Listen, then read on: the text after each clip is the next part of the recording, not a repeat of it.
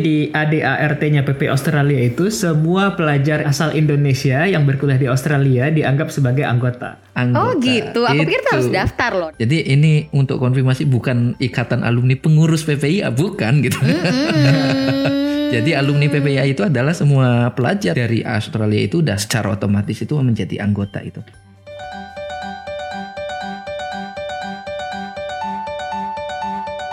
Hello and welcome to the show where we bring you some unique stories from our inspiring alumni with me, Desi Bahir.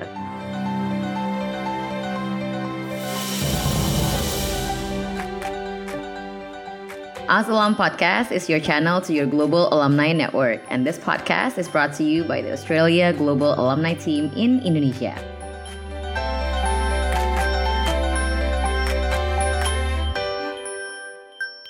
Teman-teman alumni dan students yang masih di Australia, mungkin punya pengalaman berkesan gak sih ketika mengikuti organisasi di dalam maupun di luar kampus?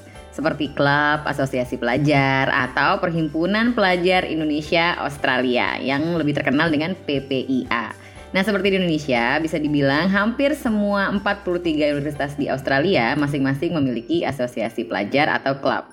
Yang membedakan adalah kemajemukan mahasiswanya. Saat ini Australia menjadi rumah bagi 700 ribu pelajar internasional yang di antaranya adalah pelajar Indonesia yang setiap tahunnya bisa mencapai 8.500 orang. Banyak dari pelajar Indonesia tersebut ikut dalam organisasi PPIA, sebuah perhimpunan pelajar Indonesia di luar negeri yang terbesar di dunia terdiri dari 8 organisasi tingkat negara bagian, chapter PPIA, dan 33 organisasi tingkat universitas atau cabang PPIA. Sebagai mahasiswa, kadang kita sudah disibukkan dengan tugas, perkuliahan, pekerjaan, atau bahkan keluarga untuk yang sudah berkeluarga. Lalu, apa sih yang mendorong mereka untuk bergabung dalam organisasi dan manfaat apa saja yang mereka rasakan selama bergabung dalam organisasi? Kali ini saya akan berbincang dengan dua alumni kita yang akan berbagi pengalaman mereka berorganisasi, khususnya ketika belajar di Australia, dan menjelaskan mengapa mereka percaya bahwa berorganisasi itu bermanfaat dalam banyak hal. Oke, kita panggil guest kita hari ini, Fata dan Faruk. Ini semacam Ricky dan Rido enggak kan? Gak saudaraan kan ya namanya aja mirip ya. Enggak, Mbak. Ya, Mbak. Kebetulan namanya aja yang mirip ya. Nah, oke, mungkin perkenalan diri dulu kali ya, baik Fatah maupun Faruk. Silahkan. Halo semuanya, perkenalkan namaku Fatah, lengkapnya Muhammad Fatahillah Zuhri. Aku kuliah di Australia di ANU Canberra jurusan Master of Energy Change dengan beasiswa LPDP di tahun 2016 dan menjabat sebagai Ketua PPI Australia atau Presiden PPI Australia di tahun 2016 sampai 2017.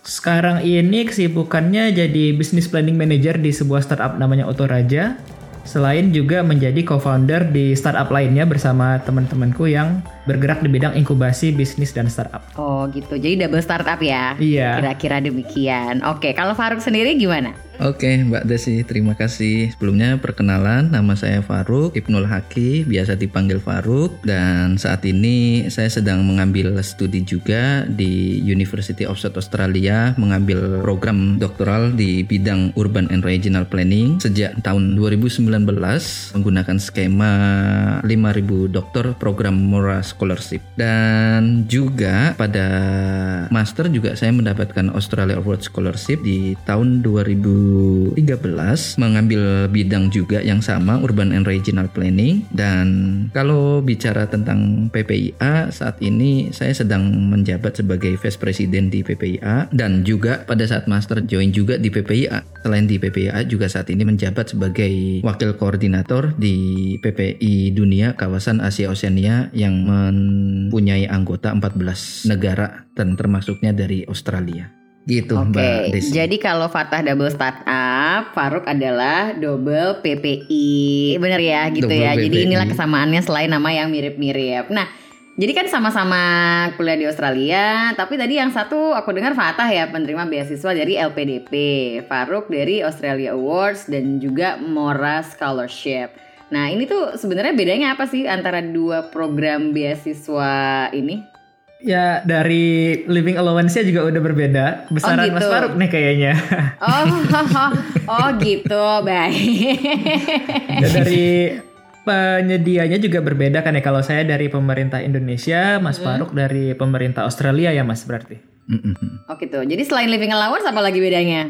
Mungkin yang signifikan ini nih, kalau LPDP peraturan tertulisnya itu sebenarnya tidak boleh kerja sampingan selama studi kecuali berkaitan dengan bidang studinya. Misalnya saya pernah jadi teaching assistant, nah itu boleh. Kalau misalnya kerjaan lainnya sebut saja misalnya chef, cleaning service dan lain-lain, technically nggak boleh selama masa studi. Kalau Faruk boleh kerja sampingan kalau misalnya dari Australia Awards atau Mora Scholarship. Pada saat studi master, saya juga mendapatkan kesempatan ya bekerja part-time selama 20 jam per week.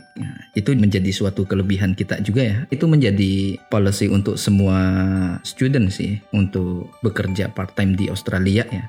Nah, tetapi saat ini saya mendapatkan beasiswa dari Mora Scholarship atau Ministry of Religious Affairs yaitu emang diperuntukkan untuk para dosen di lingkungan Kementerian Agama dan kebetulan saat ini memang saya bekerja di Universitas Islam Negeri Sunan Ampel Surabaya sebagai dosen di prodi arsitektur. Ini menjadi benefit juga ya. Nah, setelah mendapatkan Australia Award kemarin pada tahun 2013 sampai 2015 itu memang banyak aktivitas post programnya dari alumni Australia Award juga ini juga menjadi suatu benefit bagi kami juga. Salah satunya memang mendapatkan kontak atau misalkan masih berlanjut dengan para profesor di university. Itulah sampai sehingga akhirnya saya kembali lagi ke Australia gitu.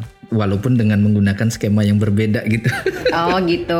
Jadi returning tapi pemberi ininya berbeda. Nah, kan kalian sangat aktif berorganisasi, bukan cuma asal berorganisasi ya gitu, tapi juga sebagai executive committee di PPIA. Nah, ini keterlibatannya tuh seperti apa sih kalau executive committee? Tapi sebelumnya, sebelumnya mungkin teman-teman ada yang belum tahu sebenarnya apa sih PPI Australia dan apa aja yang dilakukan. Yang ketiga adalah keterlibatan kalian tuh gimana sih sebagai executive committee di PPIA?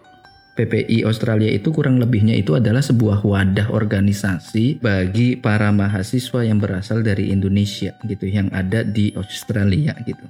Di Australia ini memiliki 36 cabang dan ranting gitu. Di PPI pusat atau PPI nasional itu memang saya saat ini berada dalam posisi sebagai wakil ketua atau vice presiden. Menariknya itu adalah aktivitas saat ini memang full remote ya, karena memang kondisi tidak memungkinkan untuk offline atau beraktivitas secara tatap muka apalagi dalam kondisi pandemik seperti ini gitu. Nah, ini yang sebenarnya membedakan ya Selain jabatan itu juga kita aktif juga untuk menjalin relasi dengan organisasi-organisasi di Australia semacam CESE itu adalah Asosiasi International Student di Australia itu. Kalau misalkan di level cabang itu kita bisa join dengan beberapa grup asosiasi mahasiswa yang ada di Australia dengan berbagai macam background karena memang PPIA itu adalah semacam sebuah klub ya kalau misalkan di universitas sehingga hmm. itu kita berafiliasi dengan student association di universitas tersebut. Itulah yang artinya membedakan. Jadi selain kita menginduk kepada PPIA pusat juga yeah. kita menginduk di universitas. Itu secara ininya sih. Kalau misalnya di kantor tuh kayak mother father relationship gitu ya. Betul kira-kira demikian. Oke okay, jadi itu jadi kurang lebihnya begitu mbak Desi. Oh kurang lebihnya begitu. Kalau dari Fata ada kurang yang mau ditambahin? Apa Mungkin gini aja ya bahasa sederhananya buat teman-teman yang udah pernah kuliah di Indonesia pasti tahu yang namanya BEM kampus.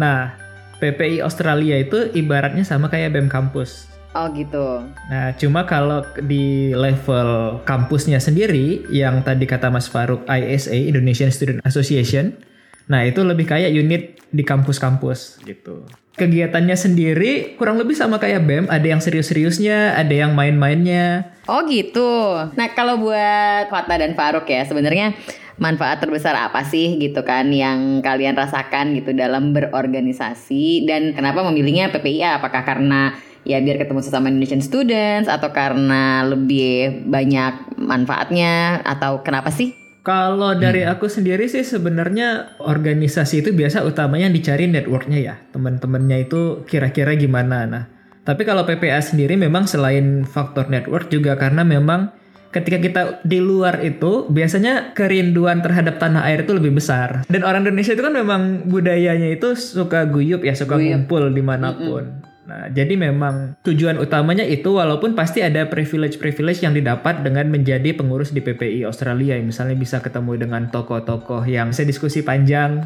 gitu. Oh gitu, sama. Kalau Faruk juga alasannya karena itu juga atau ada alasan yang lain? Selain networking juga pasti ada ya yang saya rasakan ini adalah networking dari lingkungan Australia justru itu. Mhm. Nah ini yang sebenarnya itu menjadi semacam duta atau diplomat sebenarnya ya kita sebagai pelajar itu. Nah sangat dipahami ketika misalkan kita bermain atau bersama dengan pelajar dari Australia ditanya masalah organisasi juga gitu terkait PPIA karena mereka tahu bahwa saya aktif di Indonesian Student Association gitu. Itu salah satu contohnya. Bahkan kita juga mendapatkan satu kesempatan ya ketika misalkan di South Australia gitu kita diundang premier ya kalau misalkan level gubernur gitu ya jadi diundang makan bersama nah kita berkumpul juga. Nah itu salah satu dampak yang saya rasakan juga selain networking bersama dengan tokoh-tokoh nasional itu memang menjadi suatu kebanggaan ketika misalkan kita bisa bersama-sama duduk bareng membahas diskusi dengan para tokoh nasional. Itu menjadi suatu beneficial juga buat kita. Artinya menambah networking ketika kita balik ke Indonesia itu Oke. Desi. Jadi networknya ya selain obat kangen tadi kan gitu, terus juga dapat network bukan hanya dari yang sesama Indonesia, tapi juga dari tokoh-tokoh Australia. Tapi kan aku rasa mungkin kan yang dapat privilege ini hanya eksekutif komitinya PPIA aja atau seluruh anggota PPIA juga dapat atau gimana sih? Sebenarnya aku bisa bilang itu tergantung keaktifan orangnya ya. Hmm. Karena memang pada kenyataannya kalau ada ketemu siapa, ketemu tokoh baik di acara resmi maupun sekedar ngopi setelah pasca acara itu pasti terbuka buat semua anggota PPIA. Cuma memang ya orang kan beda-beda ya, ada yang lagi sibuk assignment, ada yang mungkin minatnya nggak di situ, mungkin minatnya bukan dibahas masalah ekonomi misal, tapi bahas masalah lingkungan, jadi nggak ikut ketika duduk-duduk ngopi bahas masalah ekonomi gitu. Jadi ya kembali ke orangnya masing-masing. Menurut saya pribadi sih, mungkin posisi itu ada privilege-nya sendiri, tapi tetap at the end of the day tentang bagaimana orang itu bisa aktif dan kontributif baik di PPIA maupun di luar PPIA, apa pun posisi dan jabatan yang dipegangnya secara resmi gitu. Oke, nah menurut kalian apa sih tantangan ataupun ya mungkin achievement terbesar apa yang pernah kalian temui dan pelajari dari pengalaman sebagai eksekutif komite di eh, PPIA? Dan apakah ada perbedaan antara zaman? Tadi aku tanya ya teman-teman semua, apa sih perbedaan zaman kalian? Karena beda zaman beda ya. Satu zaman Instagram udah ada story, yang satu zaman Instagram belum ada story gitu. Jadi apa sih perbedaannya antara kedua zaman tersebut? Eh, mulai dari achievement dulu kali ya yang gampang. Mm-mm, baik. Nah, jadi bisa dibilang ketika zamanku itu fokus PPIA-nya aku bawa ke arah yang berbeda. Jadi kalau dulu itu PPIA baik level cabang maupun ranting itu lebih berbangga-bangga tentang seberapa besar event yang mereka lakukan. Udah 20 tahun PPIA ada, tidak ada yang namanya pendataan anggota sama sekali. Mungkin kalau orang yang tidak terlibat kepengurusan ngelihat apaan sih ini kok PPIA nggak ada kegiatan apa-apa. Sebenarnya bukan nggak ada, tapi kita banyak rapihin ke dalam. Yang pertama kita bikin ada database, kita bikin ada kartu anggota PPIA dengan benefit dari berbagai sponsor juga, dan ada hal-hal yang mungkin menurut kita biasa bagi teman-teman di Indonesia itu udah luar biasa. Jadi Hmm. ayo kita lebih banyak berbagi tentang cerita kita. Makanya kemudian kita lebih mencoba mengaktifkan di sosial media.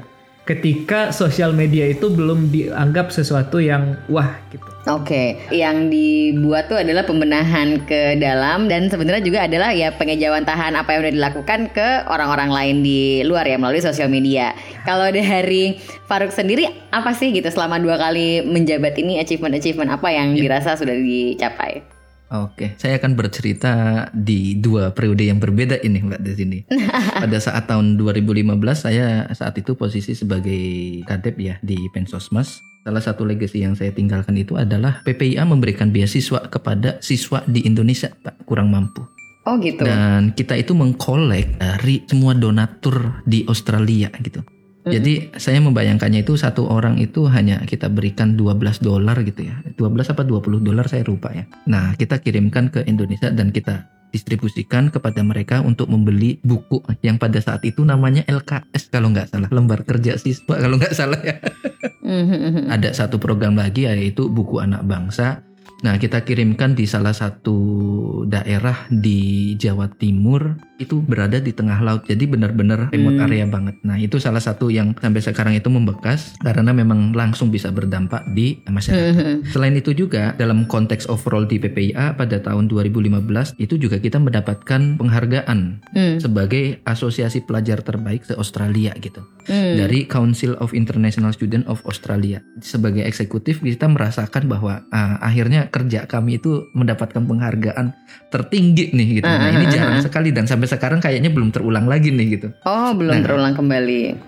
Nah, kalau misalkan pada saat sekarang ini di periode saat ini ya di 2020 saat ini memang cukup berbeda gitu ya kondisinya gitu ya. Iya, lagi seperti ini ya. Karena emang kondisi pandemik seperti ini yang unpredictable seperti ini sehingga kita tidak bisa apa-apa ya gitu selain hanya bisa menggunakan platform-platform virtual online seperti itu gitu. Jadi semua program baik itu diskusi, kajian akademik bahkan konseling gitu ya. Sampai saat ini kita melakukannya online. Dan ini ada salah satu program yang menarik ya dari PPI yang saat ini yaitu adalah konseling Mm-mm. dengan mahasiswa pelajar yang ada di Australia Ya. dan ini gratis kita sediakan dari PPI Australia selain program akademik dan lain-lain gitu. Iya kan berarti kan kalau misalnya Faruk kan ya masih terhubung lah ya gitu karena kan masih menjadi bagian dari PPIA itu sendiri. Nah kalau misalnya kayak Fatah nih yang udah balik gitu masih suka ini gak sih ada connected sama al- alumni mantan-mantan pengurus PPIA gitu yang zaman-zaman dulu zaman dulu lima tahun lalu.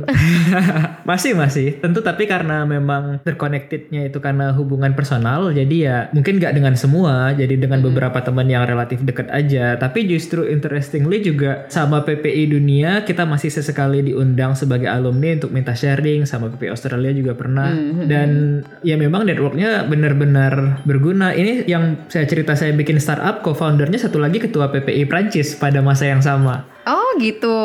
Jadi terkoneksinya kalau misalnya ikut PPIA ya bukan hanya di sini aja ya, tapi juga PPI di negara-negara yang lainnya ya. iya benar Bisa jadi seperti itu. Nah ini pertanyaan buat yang masih menjabat mungkin ya. Ini karena sepertinya network alumni kan juga sekarang lagi in banget ya. Pernah kepikiran gak sih bikin kayak kegiatan kayak atau platform supaya ya bukan cuman current members of PPIA tapi juga the alumni of PPIA bisa terkoneksi dengan yang lainnya. Ya betul Mbak Desi saat ini salah satu program yang sedang saya inisiasi juga di PPI Australia itu adalah untuk meng-reconnected ya atau mereactivate ikatan alumni Australia Mm-mm. Bahkan beberapa alumni dari PPI Australia juga ini sedang mencoba menginisiasi untuk membuat platform semacam ikatan alumni PPI Australia. Nah ini yang sebenarnya akan kita coba Ya. akomodir gitu. Oh gitu. Tapi alumni PPI aja ya. Jadi aku nggak bisa ikut dong. Aku bukan PPI soalnya. Eh, sangat bisa.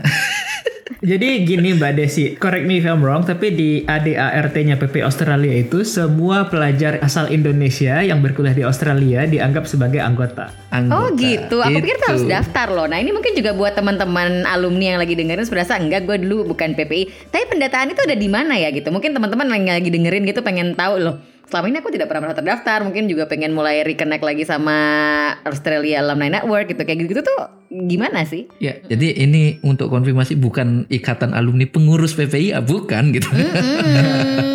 jadi alumni PPI itu adalah semua pelajar dari Australia itu udah secara otomatis itu menjadi anggota itu. Nah, terkait dengan pendataan itu pada saat ini memang kita selalu berkoordinasi dengan atas pendidikan dan kebudayaan di KBRI Canberra ya untuk total berapa sih data mahasiswa saat ini dan majornya tuh berapa aja gitu ya. Selain kita mengandalkan data dari Atikbud juga kita saat ini sudah memiliki PPI app gitu mbak. Nah itu juga sebagai dasar untuk membuat database anggota PPI Australia di semua cabang dan ranting. Itu Oh tujuannya. gitu. Betul. Jadi udah lebih canggih ya mas. Zamanku masih kartu loh.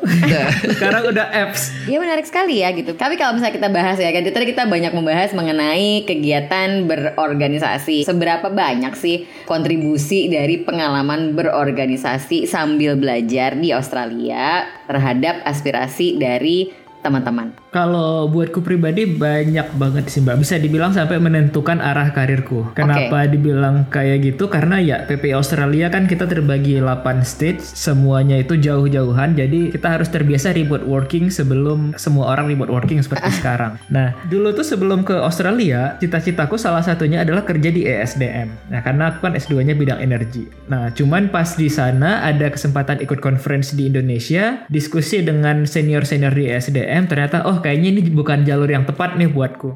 Setelah lulus, aku sempat stay di Australia kurang lebih enam bulan. Ini masa-masanya kerja sampingan karena udah di, udah nggak ditunggu LPDP lagi. Di sini nih aku magang di startup, startupnya temenku.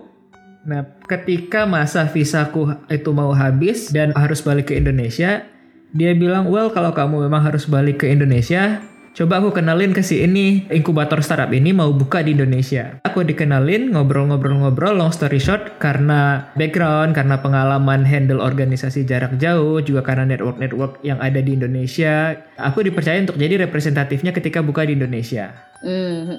Nah, setelah setahun karena masalah funding dari pusatnya itu nggak jadi buka di Indonesia, tapi dari situ aku di refer lagi ke kerjaanku yang sebelumnya. Hmm. Dan dari kerjaan itu aku di refer lagi ke kerjaan yang sekarang. Iya, Long iya. story short sampai sekarang ini aku nggak pernah apply CV jalur via HR, Biasa ya, tapi ah.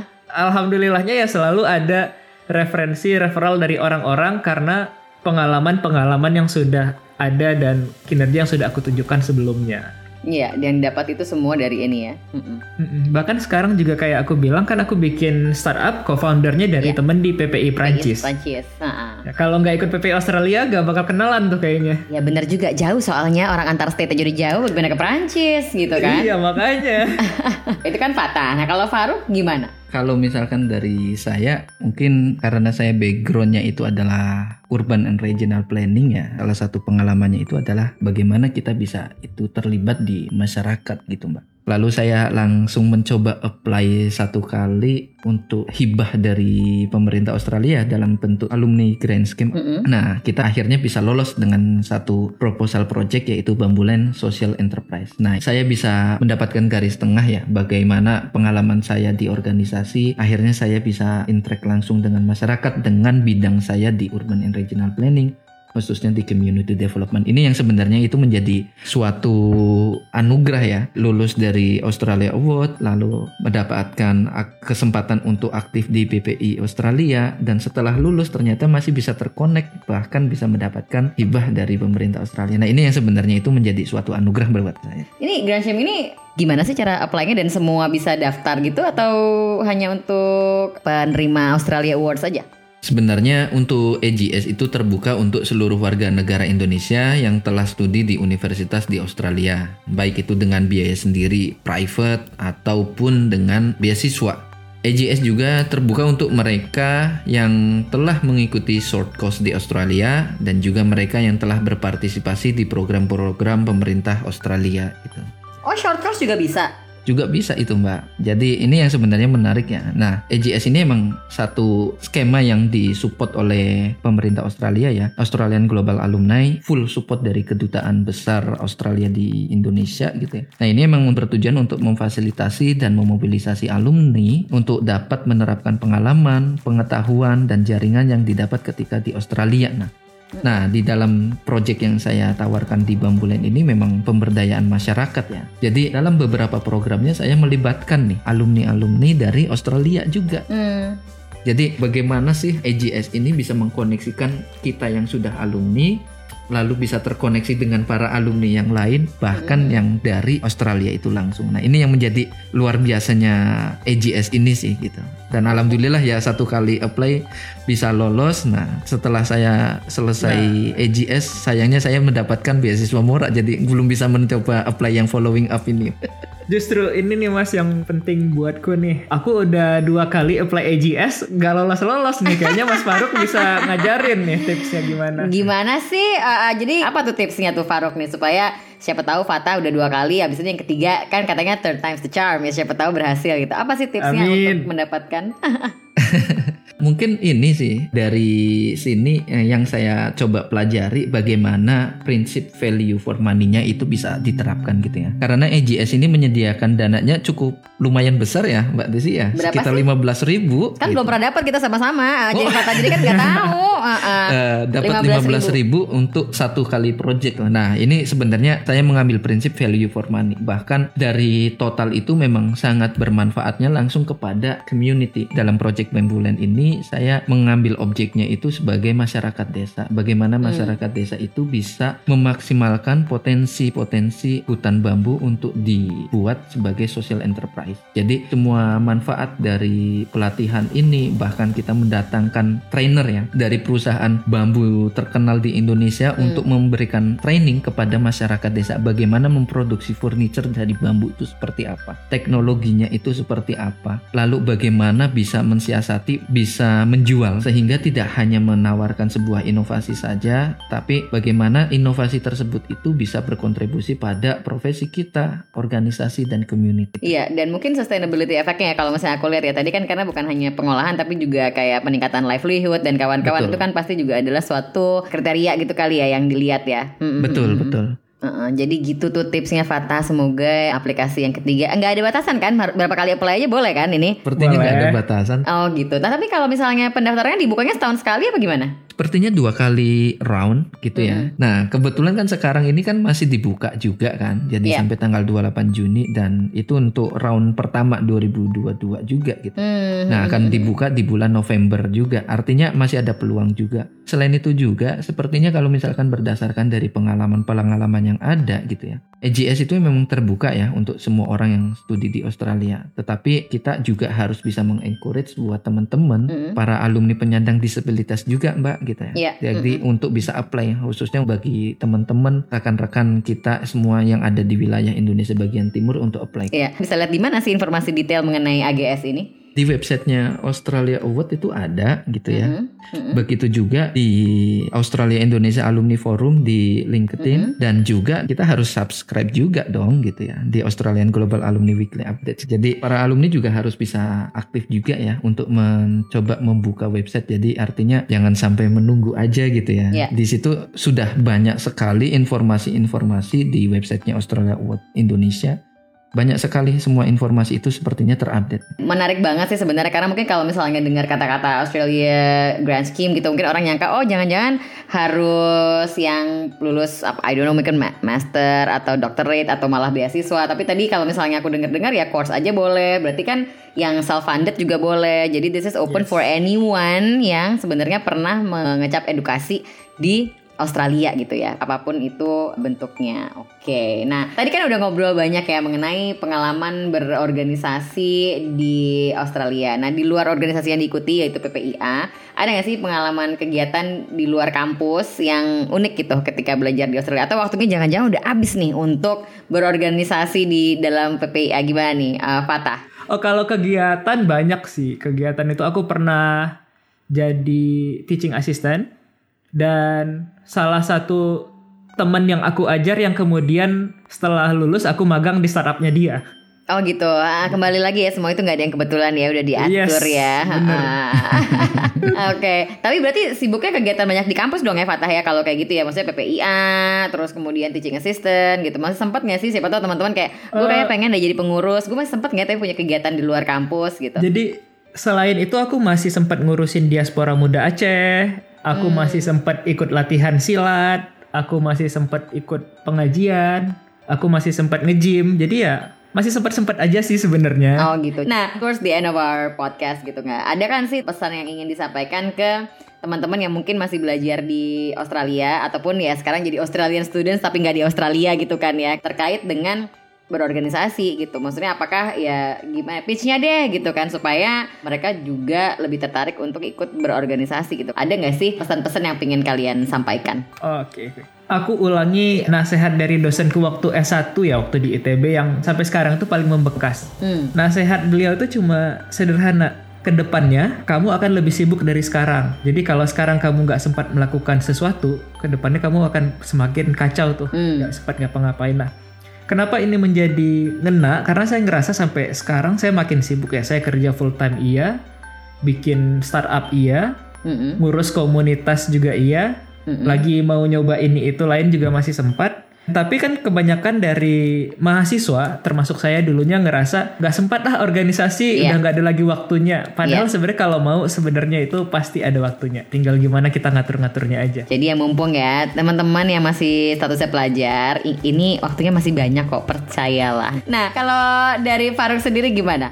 Kalau dari saya, sekarang ini posisi saya jadi mahasiswa, pun saya kembali lagi menjadi seorang pelajar. Nah, ketika misalkan saya hanya rutinitas melakukan riset, saya nggak bisa membayangkan ketika misalkan tidak ada aktivitas di luar itu gitu. Hmm. Nah, akhirnya dari situlah saya berpikir bahwa saya harus aktif di tempat yang lain juga. Nah, salah satunya itu saya harus aktif di organisasi dan salah satunya di PPI Australia. Iya, jadi buat teman-teman yang mungkin selama ini merasa bukan anggota PPIA, ya ternyata PPIA dan sebenarnya Naturka juga masih bisa karena sekarang PPIA juga ada app-nya. Jadi habis ini aku nanti cari dan mudah-mudahan teman-teman yang dengerin baik yang masih jadi student maupun sudah menjadi alumni juga bisa menjadi bagian dari network PPIA gitu ya. Nah, oke terima kasih banyak untuk Fatah dan juga Faruk untuk waktunya. Senang banget ngobrol-ngobrol.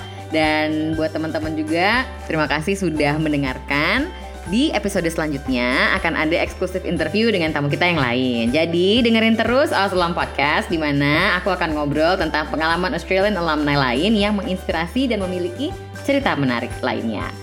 That's all for this episode on the Oz Alum Pilot Podcast. If you like our podcast, please leave us a good rating and review. And if you want to stay connected with our alumni networks and stay up to date with our alumni events, you can subscribe to our Australia Global Alumni Weekly Updates and also join our Australia Indonesia Alumni Forum on LinkedIn. The links are in the show notes. See you back here in July. Okay, that's it for now. Saya Desi Bahir. Saya Fatah. Saya Faruk. Sampai ketemu. Sampai ketemu.